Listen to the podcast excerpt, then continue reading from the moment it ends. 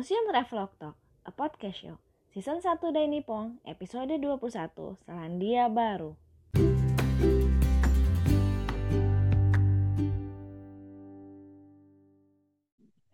Hai, selamat datang di Museum Travelog Talk. Gue Ajeng, salah satu host di podcast ini.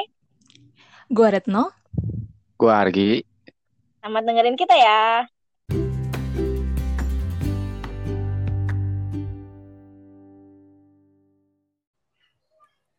Oke, minggu lalu kita udah mampir ke Australia ya. Sekarang lompat dikit yuk ke New Zealand. Kalau di World War One, Perang Dunia Satu, New Zealand itu bersama dengan Australia tergabung dalam Anzac ya kan dan bertempur di Gallipoli. Nah, terus gimana sih Gi perannya New Zealand di World War II?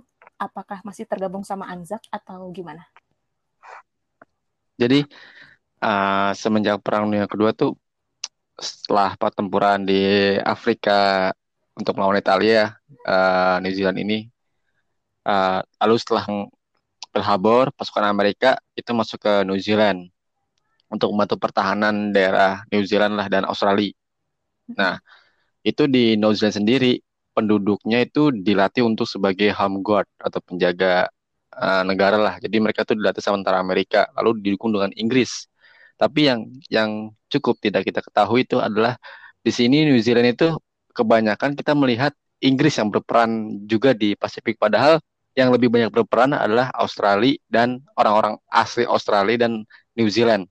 Hmm. Itu kalau nggak salah dia uh, hampir uh, 32 ribu korban, uh, di antaranya 11 ribu meninggal dan 22 ribu itu terluka. Jadi hampir New Zealand itu hampir negara kecil tapi mempunyai peran dalam Perang Dunia Kedua melawan uh, Nazi dan uh, Jepang pada saat itu.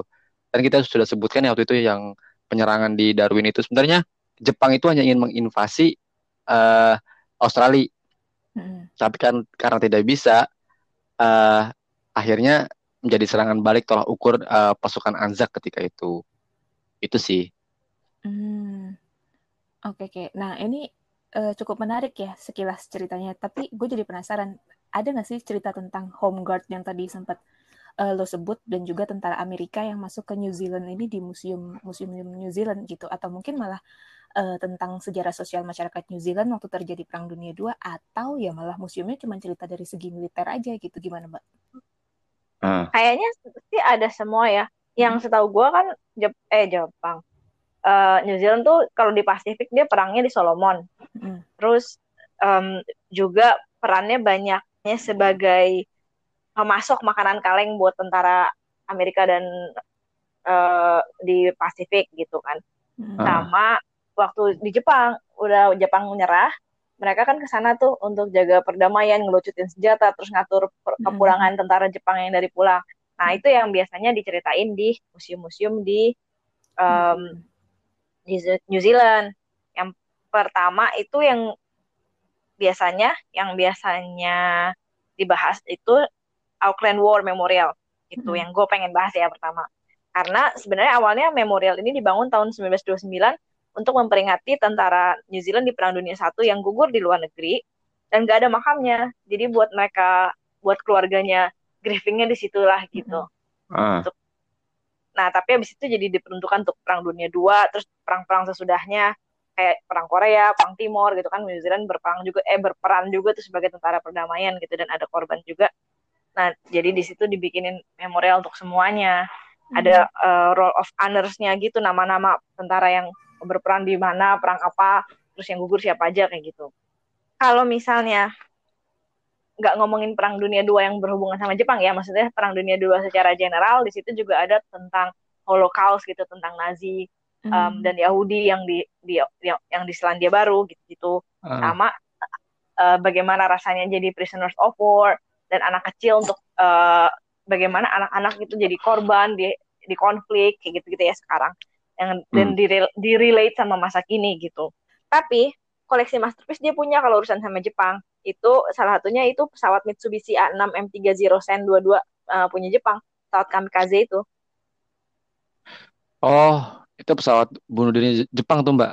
Yang pilotnya sengaja menabrakkan diri ke target serangan misalkan mereka udah terdesak atau tertembak tuh. Iya.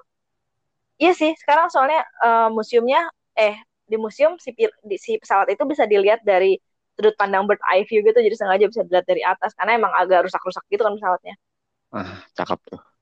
Hmm, terus uh, ada National Army Museum juga kan ya Mbak di sana. Itu gimana? Ada kan kisah tentang World War II pasti? Oh iya, uh, jadi memang di New Zealand kayaknya memang banyak official history dari sudut pandang tentara ya. hmm. Maksudnya dari sudut pandang militer.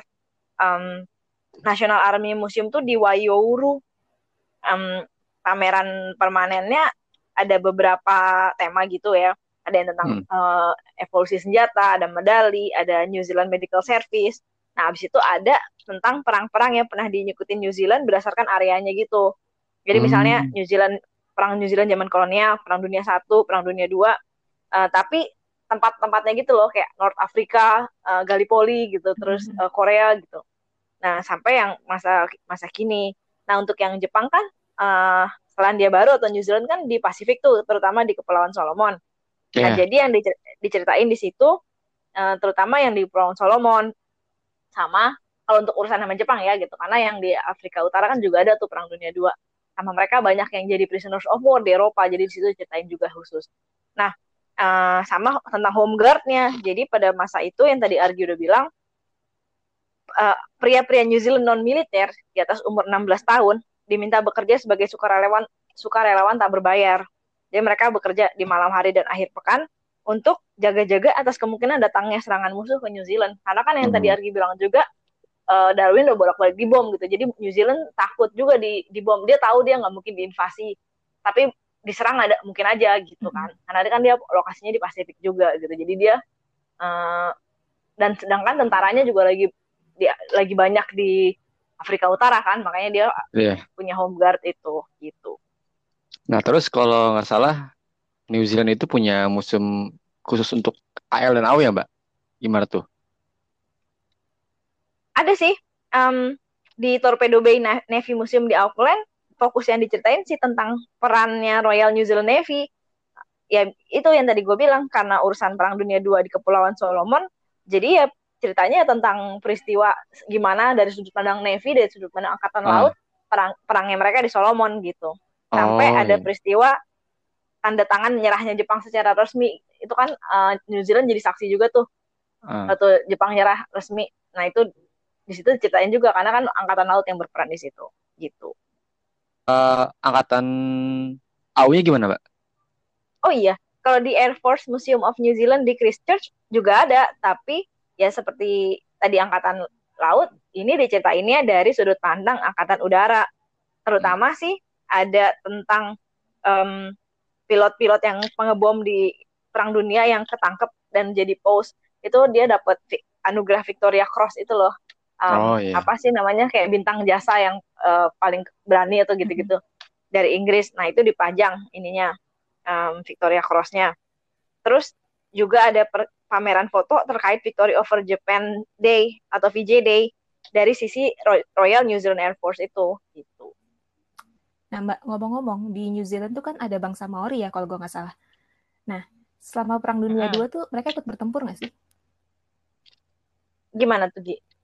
Bangsa Maori tuh juga sebenarnya juga ikut loh uh, dalam Perang Dunia Kedua mereka tergabung dalam Maori Battalion walaupun sebagian besar bertempur melawan Italia di di Yunani dan Afrika Utara tapi ada juga pasukan yang bertugas di Jepang pasca Jepang menyerah tahun 1945. Di Jepang, mereka juga ada bagian dari British Commonwealth Occupation Force atau B, BCOF kalau nggak salah bertugas bersama dengan pasukan White New Zealand lainnya dan menyebut tugas mereka sebagai G-Force. Tugas utamanya itu meluncurkan senjata Jepang dan mengatur repatriasi untuk kepulangan tentara Jepang pada saat itu.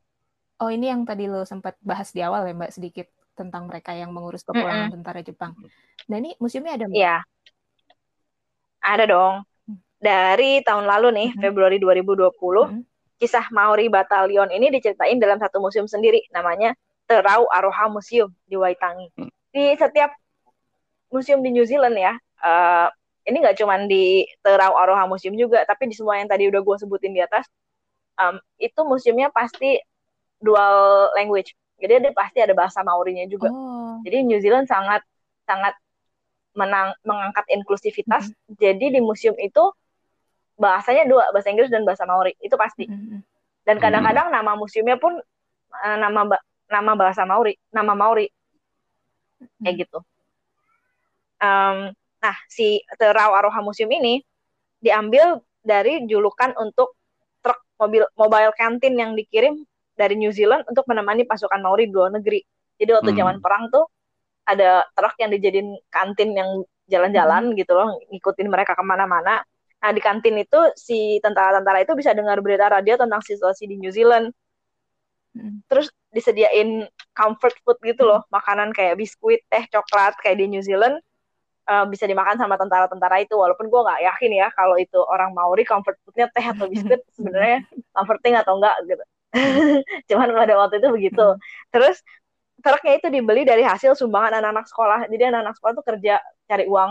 Hmm. Terus akhirnya hasil uangnya kekumpul terus di, beli beli truk itu terus dikirim untuk untuk menemani si Maori soldier hmm. itu Maori Batalion. Sekarang sih truknya ada di National Army Museum ya yang tadi kita bahas di Wayoru, tapi namanya dipinjam buat nama Museum Maori Batalion ini gitu. Uh, ini lu ngomongin apa truk ini gue jadi keingetan film itu lah Chef. ini Hah? Chef itu loh mbak yang food truck oh, gitu iya, iya, iya. mana-mana. Iya iya. iya. Oke lanjut. Terus ada apa aja mbak di museum itu tadi? Hmm, ada tiga garis setahu gue. Hmm. Yang pertama bahas tentang armed force-nya New Zealand dan perang-perang yang diikutin mau di batalion tuh apa hmm. aja. Hmm. Terus galeri kedua tuh bahas kayak personal story tentang uh, tentara dan keluarganya. Siapa aja orang-orangnya gitu ya, beberapa diangkat gitu kan biasalah personal story. Yang terakhir sebagai House of Memories aja untuk pengunjung dan keturunan Maori Batalion itu jadi kayak tempat kontemplasi gitu. -hmm. hmm gitu. Nah, terus uh, tadi juga sempat bahas-bahas tentang prisoner of wars ya, tahanan perang. Nah, itu ada nggak sih Mbak museum yang khusus nyeritain tentang mereka? Oh, ini justru itu other side of the story-nya. Yeah. Yang kalau di episode minggu lalu yang di Australia kan kita udah bahas hmm. bahwa ada berapa sih 5000 ya? Apa 4000 gitu. Hmm. Prisoners of war Jepang yang ditaruh di Australia dan di New Zealand. Hmm yang ada di Koura, terus ada di um, South Australia juga. Hmm. Terus, nah di di New Zealand juga ada nih di kota kecil namanya Featherstone. Nah, si Featherstone itu sekarang punya Featherstone Heritage Museum yang ceritanya tentang Japanese Post tersebut. Oh, itu gimana, Mbak? Jadi awalnya museum ini itu museum eh sorry awalnya museum ini adalah military military training camp untuk tentara New Zealand yang akan dikirim untuk Perang Dunia Satu. Hmm. Jadi emang camp militer ya untuk ngelatih tentara. Tapi pas di Perang Dunia Dua dipakai jadi tempat camp untuk Japanese Post itu. Hmm. Nah sekarang jadinya jadi museum yang ceritain tentang dua-duanya. Era Perang Dunia Satu gimana, era Perang Dunia Dua gimana. Terus ada foto-foto lah biasa terus karya seni yang dibuat sama para tawanan Jepang juga ada tuh kayak yang kita bahas di Koura Regional Art Gallery kemarin kan minggu hmm. lalu. Ini mereka punya juga di situ. Terus setahu gue ada insiden yang terjadi di camp itu tahun 43 yang menewaskan 48 orang uh, prisoners of war dan orang satu orang warga New Zealand. Gue nggak tahu pastinya apa yang terjadi uh, tapi cerita itu ada di museum gitu kenapa? Dan kalau menurut website di daerah Wairarapa mm -hmm tempatnya kota Featherstone itu berada nah, selain foto dan objek displaynya juga kayak teknologi modern digital gitu loh. Jadi kayak sejarah tuh direkonstruksi secara evokatif. Um, gue jadi penasaran sih kayak gimana. Mampir kali mbak nanti mbak. Amin. Nah. Mahal banget tuh oh, iya. Gue dulu waktu sekolah di Australia aja nggak nyampe ke New Zealand karena visanya sendiri aja kita nggak gue sebagai student nggak sanggup bayar visanya. Berapa berapa tuh mbak visanya? Gue lupa ya dulu tuh visanya buat uh, ke New Zealand aja kayak 100 dolar Australia sendiri atau gimana gitu yang ya buat mahasiswa kere bang macam gue ya ma mahal ya hmm. belum lagi pesawatnya terus apa gitu kan jadi ya nggak nyampe lah gue ke New Zealand. Ya udah mudah-mudahan ntar nyampe nih mbak. Amin. ada rezekinya hmm. nah terus pengen sih karena keren kan terus nih mbak dari tadi kan kita banyak dengar kisah-kisah dari segi militer ya. Terus ada nggak sih museum yang menceritakan sejarah sosial atau mungkin kisah-kisah yang kurang dapat porsi besar gitu dalam narasi umum sejarah nasionalnya uh, New Zealand? Eh keren. Uh, justru uh, menurut gue yang paling menarik di New Zealand hmm. itu tentang Perang Dunia II ada di Museum of New Zealand Tepapa Tongarewa. Kenapa tuh? Um, soalnya museumnya nggak ceritain tentang perang dunia dari sisi militer dan itu memang official narasinya mereka ya gitu. Bukan bukan untold history kok gitu. Oh. emang official narasi sejarahnya New Zealand tuh begitu gitu. Nah uh, kalau yang tadi kan dari segi militer uh, Army Museum uh, Navy Museum Air Force Museum Batalion Maori gitu kan. Itu kan semua militer militer nah kalau Tepapa kan National Museum. Jadi yang keluar tuh sejarah sosial gitu. Hmm, itu gimana? Nah apa yang terjadi di situ itu keren banget jadi jadi ada bagian dia tentang sejarah uh, Selandia Baru di abad 20 gitu ya Nah, itu diceritain kalau di New Zealand itu tentara-tentaranya lagi bertempur di Afrika Utara lawan Italia ketika Pearl Harbor diserang hmm. Jepang dan Singapura juga jatuh, Singapura Malaysia jatuh ke tangan Jepang. Paniklah masyarakat karena mereka nggak ngerasa punya perlindungan kan karena tentara mereka lagi jauh. Terus kota-kota um, yang terutama di pinggir pantai di, uh, dikasih mengurangi cahaya, disuruh mengurangi cahaya di malam hari untuk jaga-jaga kalau New Zealand hmm. diserang.